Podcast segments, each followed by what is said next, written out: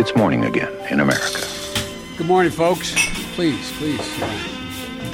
Come on, let's go. Let's go get some coffee. Thank you very much. Det er onsdag 29. januar. Det er fem dager igjen til caucus-valget i Iowa, og morgenkaffen er servert fra et hotell i Altoona, Iowa. Dagens hovedsak Mitch McConnell ser ikke ut til å ha nok støtte til å blokkere vitner i riksrettssaken. Tirsdag kveld kom da rapportene om at McConnell skulle ha fortalt sine republikanske medsenatorer at han ikke har stemmer nok til å blokkere demokratenes ønske om å høre fra flere vitner i saken. The details from Ambassador Bolton get to the very heart of the first article of impeachment. The same New York Times story places Mick Mulvaney at the center of this plot. He's a more important witness, probably, than Bolton. And the emails from Duffy and Blair, the two other witnesses we seek, are even more relevant as this information comes out.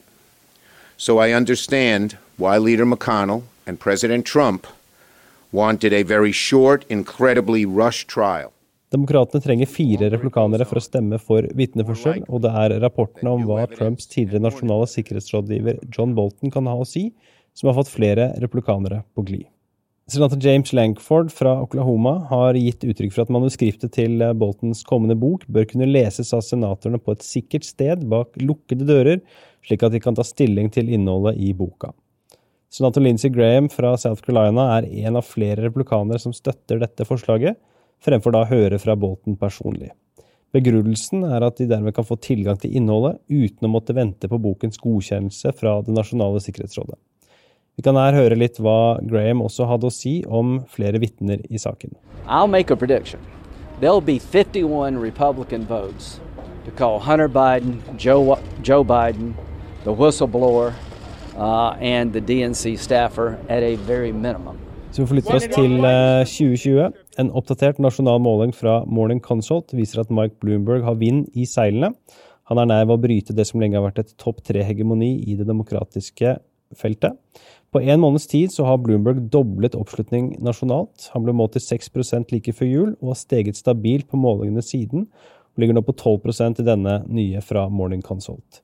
I målingen så er det også andre positive tall å hente for den tidligere New York-borgermesteren. Han har bl.a. økt oppslutningen sin hos svarte velgere fra 4 til 10% I tillegg har hans netto favorability-tall økt vesentlig. I november lå disse tallene på pluss fem for demokratiske velgere og pluss fire for svarte demokratiske velgere. På den siste målingen har disse tallene vokst til henholdsvis pluss 33 og pluss 32.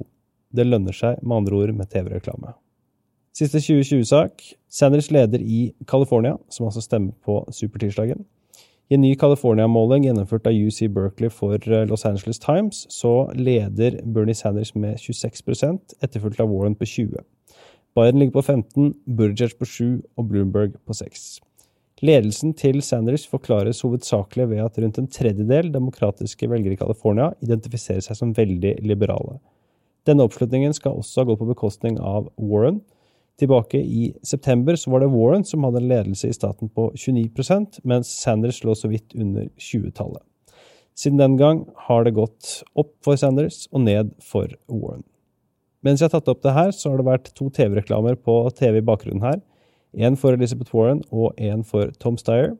Det blir mye mer Iowa-stoff i morgenkaffen i dagene som kommer, også i den andre podkasten vår, 2020. Dersom du også er interessert i litt bakgrunnsstoff, samt en egen lørdagsutgave av den podkasten her, ta turen til patron.com ampol, så kan du se hvordan du kan støtte oss med noen få dollar i måneden.